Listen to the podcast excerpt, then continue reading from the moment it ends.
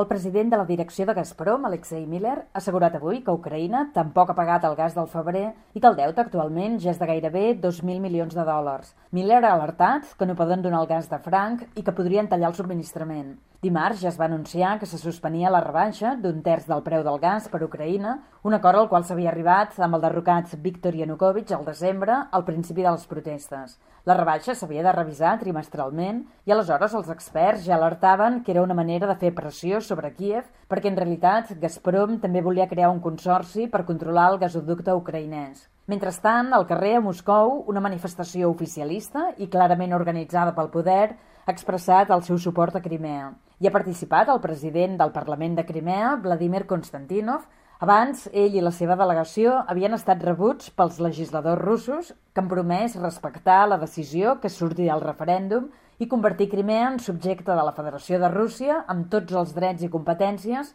en cas que surti el sí a Rússia.